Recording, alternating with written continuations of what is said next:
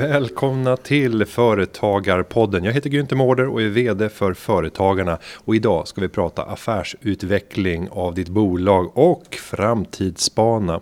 Och det är faktiskt så att jag fick möjligheten att under Företagarna Business Forum Digital träffa Jakob Wall och ta en inledande frukost på morgonen och diskutera just vad kommer att hända under pandemins inledning eller under pandemin. Vilka beteenden kommer förändras? Så vi skrapade lite grann på ytan och jag tänker att du som lyssnar nu ska få bjudas på det samtalet som vi började med under frukosten. Och sen ska vi fortsätta det och förlänga resonemangen och förhoppningsvis få fördjupad kunskap. Så varsågod, här kommer samtalet från frukosten under Företagarna Business Forum.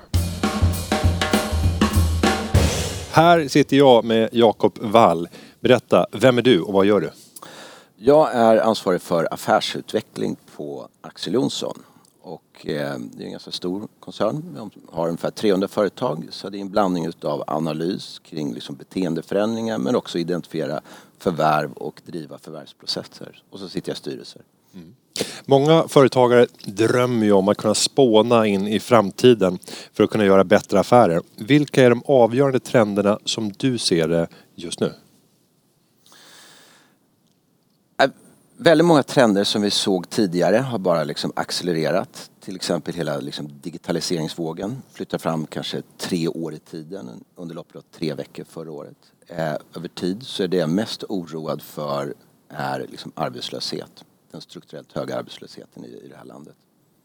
Och om man tänker som företagare att man vill ligga i framkant med sin produkt. Mm. Eh, hur ska man tänka då? Enkelhet Ehm, det måste vara väldigt tydlig kundnytta. Eh, det ska vara skalbar affär eller liksom produkt. Och väldigt gärna förstås någon typ av hållbarhetsvinkel. Många företagare de har ju inte några stora resurser till förfogande för att kunna ägna sig åt ett strukturerat affärsutvecklande. Men hur kan man göra som småföretagare för att ändå få in det här naturligt i sin, eh, sin vardag? Jag tror man måste hela tiden eh, våga eh, testa nya saker, experimentera, eh, tänka utifrån ett sådär förnyelseperspektiv. Var inte rädd att göra fel. Men gör man fel så, så ta kostnaderna och bryt ganska omgående. Och, och med 300 företagare i ditt nätverk så misstänker jag att du har väldigt mycket kontakt med både små och stora företagare. Eh, vad är de vanligaste utmaningarna som du hör de här företagarna prata om?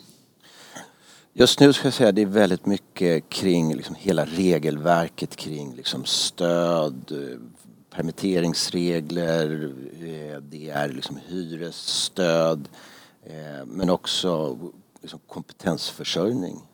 En jättestor fråga.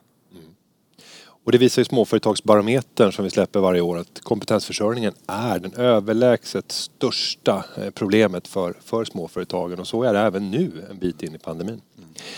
Många medlemmar har det ju tufft, eh, tufft nu men vilka positiva indikationer för företagare ser du runt hörnet om vi ska måla lite ljusare färger, alltså strukturellt hög arbetslöshet. Det blir ganska mörkt om vi ska avsluta lite ljusare. Vad finns det för ljustecken? Ja, snart är ju, eh, i alla fall förhoppningsvis, eh, är vi vaccinerade, inte bara i Sverige utan eh, runt om i liksom, övriga världen. Och då tror jag vi kommer få någon typ av sådär 20-tals eufori. Det blir som en adrenalinspruta in i ekonomin. Vi kommer resa som aldrig förr. Vi kommer gå på restauranger och sociala möten och så vidare. Så det, det kommer vara en, liksom en, en fantastisk liksom, fas här eh, om eh, ganska kort tid, tänker jag. Det låter underbart. Det låter som att man vill stanna tiden där för jag misstänker att den här festen kommer sluta med en baksmälla också kanske eller? Ja. Alltså det är absolut och det är alltså om ett par år så har vi ju liksom den strukturellt höga arbetslösheten, vi har den åldrande befolkningen och sen så har vi ju, eh, vi har ju nollränta redan. Och nu har jag och Jakob Wall förflyttat oss från frukosten på Företagarna Business Forum Digital som du kan se på företagarna.se in i poddstudion och det är dags för Företagarpodden. Välkommen till Miljö 2. Tack så mycket, kul att vara här. Härligt. Och eh, om vi nu ska Eh, fortsätta resonemangen. Vi fick ju bara skrapa på ytan. Du målade en ganska mörk bild där under en minut ungefär. Om du ska fortsätta och måla den bilden. Vad är det för faror du ser och vilka företagare som bör vara vaksamma på de farorna? Ja, men rent sådär strukturellt så ser jag ett antal riktigt sådär oroväckande saker man blickar framåt ett antal år i tiden. Och det första är, vi har en hög och strukturellt jobbig arbetslöshet. Vi hade det redan innan liksom pandemin slog till. Eh, och med fortsatt liksom förändring utav rätt många företag, inte minst de som har varit duktiga vad det gäller att ta in liksom instegsjobb.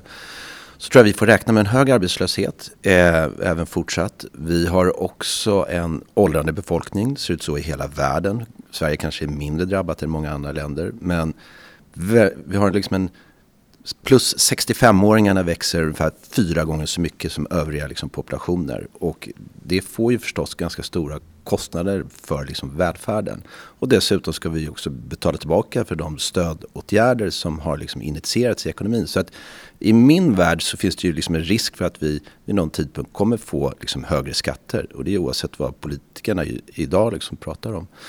Och sen förstås, nästan alla så här makrokriser, går vi tillbaka i historien, har ju räddats av sänkta räntor. Vi har liksom minusräntor redan, så att räntorna har bara en väg att gå och det är uppåt. Och det är klart, det här finns som någon typ av liksom ganska mörkt spöke framåt i tiden, som jag ser det. Riksbanken har ju styrt sin eh, penningpolitik nästan helt och hållet utifrån inflationen. Och nu ser vi ju inom väldigt många olika områden en tilltagande inflation. Vi ser det i tillgångspriser, vi ser det nu till följd av brister i systemen. Det är komponentbrister, det är en stark efterfrågan på råvaror som leder till kraftiga prisuppgångar. Tror du att vi kommer att stå här inom ett år och se en betydande inflation? Och då pratar jag kanske en 3% plus. Kanske inte liksom som helhet i liksom ekonomin. Men eh, precis som du är inne på, jag menar, titta bara på bostadspriser, titta på liksom aktiemarknaden, råvarupriser. Det är ju en jätteinflation där ute i systemet. Sen väger de här ganska lite liksom, i kanske hur Riksbanken definierar själva inflationsmålet. Eh, exakt när i tiden vi ser det här och, och dess effekter på, liksom, på räntan, det, det återstår att se. Men det, det kommer, det är jag ganska övertygad om. Och om vi tänker på alla företagare som är beroende av hushåll som ska vara optimistiska för att fatta de besluten som behövs för att, fatta, för att köpa de produkter mm. som de här småföretagarna tillhandahåller. Och vi kanske uppehåller oss särskilt inom sällanköpshandeln, lite dyrare varor som inte är helt nödvändiga. Vad tänker du om eh, bostadsprisernas betydelse för deras uppfattning om eh, hur mycket man får spendera? väldigt viktig parameter har varit. Och vi har ju sett också, går vi tillbaka de senaste 5-6 åren, alltså hushållens skuldsättning har ökat med nästan 50 procent. Så det är klart man har liksom, i takt med att huspriserna har ökat så har man också tagit ut mer liksom belåning i systemet och används för förstås delvis konsumtion. Så de är ju väldigt sårbara där, tänker jag. Och bara leker man med räkneövningen att räntan som kanske ligger på 1,5% för liksom bolånen då, om den dubbleras till 3% ja då försvinner ungefär 40% utav den disponibla sällanköpskonsumtionen i landet. Det, det, är dramatiskt. Det är oerhört dramatiska siffror. Och då pratar vi ändå om en räntenivå som i ett historiskt perspektiv på 3% skulle vara ohyggligt låg. Det är en av de lägsta räntorna vi har haft. Ja, om vi undantar exakt. de senaste tio åren. Och det kan ju också, tänker jag, eh, en sak är räntan men med tanke på liksom inflationen och liksom rallyt i, i bostadspriser så kan man också tänka sig att bankerna kanske kräver högre liksom amorteringskrav eller att det finns annan typ av reglering som gör att liksom, du får liksom motsvarande effekt ändå även om det inte är liksom drivet av räntan. Och om vi får den där spiralen, för det tenderar ju att bli en spiral när uppfattningen om priserna börjar vända neråt oavsett vilken typ av tillgång det är så smittar det av sig och så sätter den här spiralen igång. Vad händer för eh, en individ om vi går in verkligen i, i mikroperspektivet och tittar på hushållen om man ser att bostadspriserna skulle falla, inte med dramatiska tal, men låt oss säga så här 3-4% per år, men under 3-4 på varandra följande år. då kommer man ju ställa om rätt mycket i sin, sitt sätt att leva, i sin konsumtion. Eh, och det första förstås, det är ju kapitalvaror. Eh, som man eh, minskar sina liksom, inköp utav. Eh, resor kommer också bli påverkat förstås. Eh, det som är minst påverkat är ju mat. Mm. Menar, oavsett du är rik eller fattig, pandemi eller, eller inte, låg eller högkonjunktur. Vi, vi äter mat liksom, måste göra. Eh, så att, eh, men det, det, det, är klart, det kommer få stora liksom, följdeffekter in i, liksom, i systemet. Och nu har vi eh, målat mycket mörkt. Jag tänker vi fortsätter en liten, liten stund. Sen ska det, ska det förhoppningsvis vända. Jag vet att vi närmar oss en magisk punkt i Sverige eh, där vi kommer gå in i ett nytt historiskt tillstånd. Det vill säga när det vi betecknar som den arbetsföra befolkningen utgör en minoritet i Sverige. Och alltså gruppen unga som normalt sett inte har kommit ut i arbete eh, tillsammans med de äldre som är över 65 kommer att utgöra majoritet. Du pratar om utmaningarna med det här skattetryck. Vad kan vi tänka oss att det här får för konsekvenser för vårt samhälle? Det är ju någonting helt nytt. Ja. Så ser det ut i liksom hela, hela världen. Och jag skulle säga det toppade någon gång i Sverige 2014 eller 2015 i termer utav alltså, individer som är, liksom, eh, är med och bidrar till ekonomin, till, till arbete. Ganska snabbt tapp och det här fortsätter. Alltså ända fram till 2038 när man tittar liksom, så, så, har vi liksom en minskande andel utav vår befolkning som är med och bidrar till ekonomin. Så det för att vara kvar i det här dystopiska med i min värld en fortsatt strukturellt hög arbetslöshet och dessutom har vi liksom de här demografiska aspekterna. Vi blir yngre och vi blir framförallt äldre som får liksom stora belastningar på, på välfärden. Och det är därför jag tänker att någonstans här bör man i alla fall liksom förbereda sig på att vi borde få liksom högre skatter. Mm. Det är liksom oundvikligt tänker jag. Och det där är ju någonting som inte gillas eh, av, av någon i grunden. Eh, vi vill ju att det ska vara så effektivt som möjligt och, och att våra skattekronor används så att vi får maximal välfärd för pengarna. Eh, hur pass effektiv anser du att den offentliga sektorn är? Om vi tittar på välfärdsapparaten så är det ju väldigt mycket som sedan 90-talet har privatiserats också. Och det skulle ju kunna vara en möjlig tanke framåt att vi kommer att kunna få se en privatiseringsvåg när man inser att vänta, pengarna räcker inte. I kommunerna kanske man inte vågar höja skatterna markant, men så ser man möjligheten att släppa lös en del av välfärdstjänsterna till privat företagande. Vädrar vi morgonluft för privatiseringar igen? Jag tror det. Jag, faktiskt, alltså jag är helt enig med liksom ditt resonemang där. Eh, det finns ju någon typ av tak för liksom skatterna. Eh, och om man inte kan höja skatterna så måste du liksom effektivisera på annat sätt. Och jag tror att vi runt om i, i kommunerna kommer sannolikt se en liksom privatisering utav infrastruktur och liksom andra liksom samhällstjänster. Jag, jag, tror att det är en, en tänkbar liksom framtid. Och det är klart, då dyker det upp väldigt mycket affärsmöjligheter för, för liksom företag. Och om vi fortfarande inte ska stänga den där svarta dörren så har vi ju en annan faktor. Sveriges befolkning har ju mm, i jämförelse med många andra länders befolkningar vuxit och dessutom kraftigt under 2000-talet. Vi har väl haft en av de snabbaste tillväxttakterna i hela Europa. Men det är inte på grund av egna förtjänster utan det är ju till följd av människor som har invandrat till Sverige. Samtidigt ser vi utmaningar när det kommer till deras möjligheter att kunna hitta en försörjning. Svenska systemet bjuder inte särskilt eh, väl in till en integrerad arbetsmarknad. Vad ser du för utmaningar när det gäller just att få utlandsfödda att kunna komma in på den svenska arbetsmarknaden och därmed kunna komma in och bidra in till välfärden? Bara liksom gå tillbaka till din inledning där. Jag menar, Sverige har varit det land i västvärlden som faktiskt har haft den högsta befolkningsutvecklingen. Och eh, nu går vi ner mer på liksom normaliserade nivåer. Vi kommer växa kanske 0,7. Vilket är i linje med liksom många andra länder. Eh,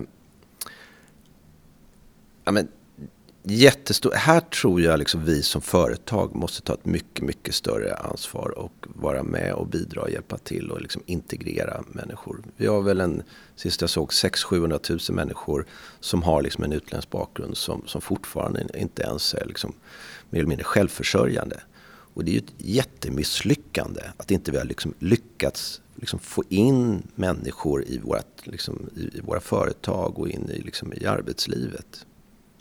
Och om man funderar på pandemins effekter så är det ju framförallt de sektorer som har varit väldigt mycket de här integrationsmotorerna och också introduktionsmotorerna för arbete oavsett om man varit ung eller utrikesfödd men ska ta sig in på den svenska arbetsmarknaden så har ju många av här, hotell, restaurang, hela besöksnäringen har ju varit väldigt viktiga. Vad ser du framåt? Kommer de komma tillbaka och vi kommer känna igen dem som de här motorerna redan om, om något år? Eller kommer det här innebära strukturella utmaningar för en generation att kunna ta sig in på arbetsmarknaden? Vissa företeelser kommer liksom reverseras och komma tillbaka eh, som skapar liksom nya arbetstillfällen. Men, men överlag så, så, ser jag det som en jätteutmaning liksom, för, för samhället. Eh, vissa av de här liksom, branscherna som du nämner är av liksom, alltså strukturellt även framåt kommer att ha liksom svårt. Man måste skära i kostnader helt enkelt för att efterfrågan minskar. Eh, och den stora kostnadsposten för väldigt många företag det är, liksom, det är personal och sen så har du också hyror. Så det är klart, det här är, ja, men det är väldigt sådär utmanande. Och eh, sen ska vi komma ihåg att vi människor är ju liksom, vi har ju en fantastisk benägenhet att liksom, hela tiden skapa nya företeelser, nya jobb. Vi vill helt enkelt få det bättre skapa en bättre tillvaro för oss själva och för, för våra nästa. Så att man ska inte underskatta liksom nya affärsmodeller som, som kan komma upp som ett resultat av den här makrochocken eller, eller liksom pandemin som i sin tur kan skapa liksom nya liksom arbetstillfällen. Och om vi nu ska vända blad som kungen hade sagt och titta på möjligheterna i den här nya tid som väntar oss. De kommande 5-10 åren. Du pratade i eh, inledningen under frukosten på Företagarna Business Forum om att eh, det fanns ett antal dominerande trender redan innan. Eh, nu när vi kommer ut ur pandemin, snart förhoppningsvis. Vilka av de här trenderna skulle du, om du var småföretagare, vilja kapitalisera på? Och det kanske är så att du sitter och suktar efter att få göra förvärv inom de här områdena. Ja, vi är ju väldigt förvärvsintensiva. Vi har eh, redan gjort en hel del under det här året och har en väldigt massa andra nya spännande i, i vår liksom, pipeline. Vissa trender vi såg eh, tidigare eh, har bara liksom accelererat. Eh, som till exempel den digitala omställningen. Och det är inte bara hur vi liksom handlar, köper produkter men också tjänster. Och det kommer vara bestående. Där flyttades det fram kanske tre år i tiden. Eh, jag tänker också att alltså, hur vi jobbar och var vi bor. Det kommer förändra väldigt mycket. Som i sin tur skapar liksom, nya möjligheter. Inte minst i liksom regionstäder eller mindre städer runt om våra större städer. Som säkert kommer få mycket mer liksom blomstrande stadskärna, en blomstrande liksom näringsliv. På ett sätt vi inte sett på väldigt lång tid.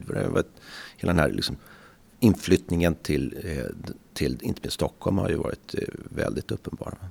Mm. Och om vi leker med eh, tanken att vi hade en entreprenöriell bakgrund som person. Vi hade ett visst startkapital. Låt oss säga att det var någon eller några miljoner plus att vi hade access till banker, andra finansiärer som skulle kunna hjälpa till och skjuta till ytterligare medel. Vad hade du dragit igång för business givet att du hade en viss bakgrundskoll inom den här branschen det här segmentet? Oj, det är spännande. Jag menar, vi letar ju bolag hela tiden. Men som jag tror jag nämnde här på vårt liksom inledande frukostsamtal.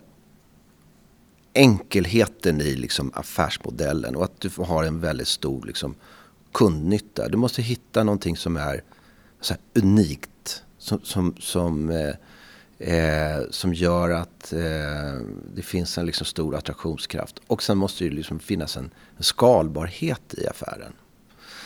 Bland alla de här trenderna som, som vi har sett under många år som nu tar sig ett nytt liksom, grodhopp. Det skulle jag säga det är hållbara affärsmodeller. Alltså företag som, som, som är exponerade mot liksom, det hållbara liksom, samhället. Det som är nytt där tycker jag det är att vi ser hur liksom, kapitalet, riskkapital flödar in i de här, den typen av investeringar, den typen av affärsmodeller. Det är ju jättespännande och väldigt bra och gynnsamt för liksom hela samhället.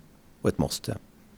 Så det jag hör det är att ta rygg på megatrenden digitalisering någonstans. Det ska vara någonting som är skalbart och för det tankarna ganska snabbt till höga digitala inslag. Eh, gärna någon typ av automatiserad produktion eller process som gör att det inte blir särskilt personalintensivt. Eh, vi vill utöver det kanske rida på förändrad demografi har du varit inne på. Det är en mm. helt nya typer av utmaningar men också möjligheter med en stor åldrande befolkning som dessutom är väldigt friska. Eh, när 65 års pensionsålder introducerades så var ju genomsnittsåldern i Sverige något lägre än så. Eh, och det är ungefär som att vi skulle lansera en pensionsålder idag på 86-87 år. Det skulle nog inte uppskattas. Så man har väldigt många friska år där också. Är det någon mer trend om vi ska försöka nu tratta ner? Så här, här borde du leta efter affärsmöjligheter. Ja, men, ja, jag håller med. Hela den här liksom demografiomställningen, utbildning. Mm. Hela, liksom, hela den eh, sektorn är ju väldigt intressant som också genomgår en, en, en, stor våg av digitalisering och liksom privatisering. Eh, vi har eh, eh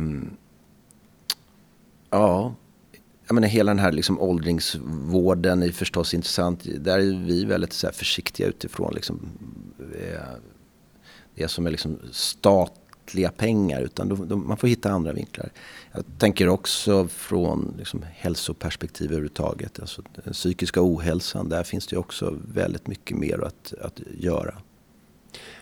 Och om man själv är entreprenör och eh har ett företag som kanske liknar någonting av det du nämner så misstänker jag att eh, det här kan potentiellt vara intressant för Axel Jonsson-koncernen. Vad är det som ni investerar i? Finns det några måsten som ni ska checka av för att det ska bli aktuellt för en investering i ett bolag? Och hur stor del brukar det ta av bolagen? Det vi, vi är ju väldigt långsiktiga och jämfört med många andra så har ju vi ingen liksom försäljningsstrategi eller exitstrategi Utan om vi investerar i ett företag så är det på, på, på lång sikt. Alltså i evighet, det är vår liksom utgångspunkt. Och det är klart, har man det resonemanget i, i bakhuvudet då måste vi se långsiktig strukturell tillväxt som någon typ av grund i, i, i verksamheten. Eh, det är intressant för oss. Och det kan ju vara i väldigt många olika liksom, sektorer eller, eller branscher också för den delen. Men om man tittar i de 115 eller 120 förvärv investeringar som vi har gjort från Axel Jonsson de senaste 5-6 liksom, åren. Så är det väldigt mycket digitala inslag i, våra affärs, i de affärsmodellerna. Och som jag sa, strukturell tillväxt. Eller åtminstone vad vi kan se liksom, i, i form av framtida strukturell tillväxt. Vi har också de senaste två åren börjat investera i solenergi. Vi har skapat ett mini-Axel Jonsson, ett nytt koncernbolag som heter Axol. Där har vi hittills gjort fyra olika investeringar. Vi tittar på ett, helt, på ett, på liksom ett antal nya sådana liksom investeringar av olika sort som rider på liksom solenergi och hela den, den trenden. Det tycker vi är väldigt intressant. Och vilka är grundkraven om man tänker på storlek på bolagen? Eh, finns det något måste där? Hur stor andel av bolagen vill ni minst äga? Finns det någon gräns för hur mycket ni vill äga? Vi vill förstås äga så mycket som möjligt utav bolag men vi är ganska opportunistiska, opportunistiska där skulle jag säga. Så det är, när det gäller liksom nya företag, alltså nystartade företag då kan vi ha ägarandelar på kanske liksom 10 procent eller strax under det. Men det måste, helst vill vi gärna se att det åtminstone finns någon väg till, till majoritet. Så att lite beroende på liksom, bolag, var någonstans i, i, liksom, i utvecklingsfasen de befinner sig i och på vilket sätt vi kan vara där och bidra och stötta. Så, så, så, så har vi liksom en flexibilitet vad det gäller liksom ägarandelen och också storleken på, på bolag. Så att jag menar i år, Dustin som är liksom en, en viktig del i, i vår grupp gjorde ju ett stort förvärv bara för ett antal veckor sedan. Ett bolag i Holland, Belgien. En investering på över 4 miljarder svenska kronor. Så att där har du liksom den andra ytterligheten och sen så har vi kanske ett, ett tiotal miljoner som vi investerar i något mindre liksom nystartat företag. Och det där tänker man kanske inte på direkt, men när ni pratar om, om investeringar så finns det ju faktiskt de där två leden. Antingen att själva som bolag investera direkt i det eller låta bolagen köpa upp andra bolag och på så sätt bli en del av helheten. En stor sektor och det som har skapat jag vet inte om det är en rättvis beskrivning, men, men jag ser det så. Det som har skapat den stora framgången för Axel Jonsson-koncernen är ju de framgångsrika handelsföretag som har funnits. Om vi nu tittar på handeln så ser vi att de har varit satta under press. Vi har varit inne och pratat sällanköpshandel eh, och att det kan potentiellt bli ett blodbad om det skulle eh, bli eh, ökade räntor och disponibla inkomsten sjunker. Vad ska man göra som handlare idag för att parera de risker som finns som inte nödvändigtvis behöver infrias eller besannas men de finns där och man borde ta hänsyn till dem. Ja, man börjar liksom från ett så här kostnadsperspektiv så de stora kostnadsposterna är ju personal och hyror. Om man leker då med tanken med liksom resonemanget att vi liksom kommer att jobba liksom mer hemma än vad vi åtminstone har gjort historiskt sett. Och låt oss leka med tanken att ungefär 10-15 procent utav liksom trafiken i de här liksom citynära butikerna försvinner bort. Med den marginal som restauranghandeln har eller sällanköpshandeln har innan vi gick in i pandemin. Ja, då är i praktiken all svensk restauranghandel i förlust och all svensk sällanköpshandel i förlust. Så sårbar är den. Och det här innebär ju då, för det är väl ändå någon typ av rimligt scenario att vi kommer liksom jobba mer hemma och liksom trafiken i städerna kommer på något sätt minska i alla fall i, i på vardagen. Då måste du skära i kostnader och en väldigt stor kostnadspost är hyror. Och jag påstår när jag räknar på det här effekten och jag ser vad som händer liksom internationellt. Så för, för detaljhandelshyror borde de ner kanske 20-25 procent. Det är en dramatisk det är en väldigt dramatisk. Men det är någonstans, och det är vad vi ser nu i London till exempel, eller Storbritannien överlag, eller USA för den delen också. Alltså länder som också har kommit längre i det här strukturella skiftet i att liksom handla mer digitalt kontra fysisk handel. Sen brukar ju lokaler utgöra en relativt liten andel. Om vi pratar hotell och, och eller om vi pratar restauranger och butiker. 10-15 procent av totala. Kan det vara en rimlig uppskattning? Ja, och tittar vi i Sverige, alltså jag skulle säga 15, men om tittar i mm. utomlands så har den kanske legat på 8-9. Så vi har ju liksom, som utgångspunkt mm. i Sverige så har vi haft högre liksom detaljhandelshyror i snitt kontra liksom andra länder. Det är liksom basen. Så det är därför jag hävdar att det blir, alltså, du bör ta ner dem så pass mycket för att hitta liksom balansen. Och jag menar, tittar du i sällanköpshandel så, så, så pikar de marginalmässigt för redan liksom tio år sedan. Så det är liksom ingen ny företeelse. Sen har ju det här bara accelererat i, i takt med liksom pandemin som gjort att vi flyttats ytterligare kanske tre år framåt i tiden i det här skiftet. Om vi tar en annan stor kostnad som är absolut störst för eh, restauranger. Om vi jämför restauranger och butiker. Då är det ju personalkostnaden. Mm. Eh, vad kan man göra åt personalkostnaden? Det går ju inte att eh, bara sänka lönerna för att öka konkurrenskraften och, och överleva. Va, hur ska det funka? Den svenska arbetsmarknadsmodellen påbjuder ju inte någon större flexibilitet för att kunna anpassa de där kostnaderna.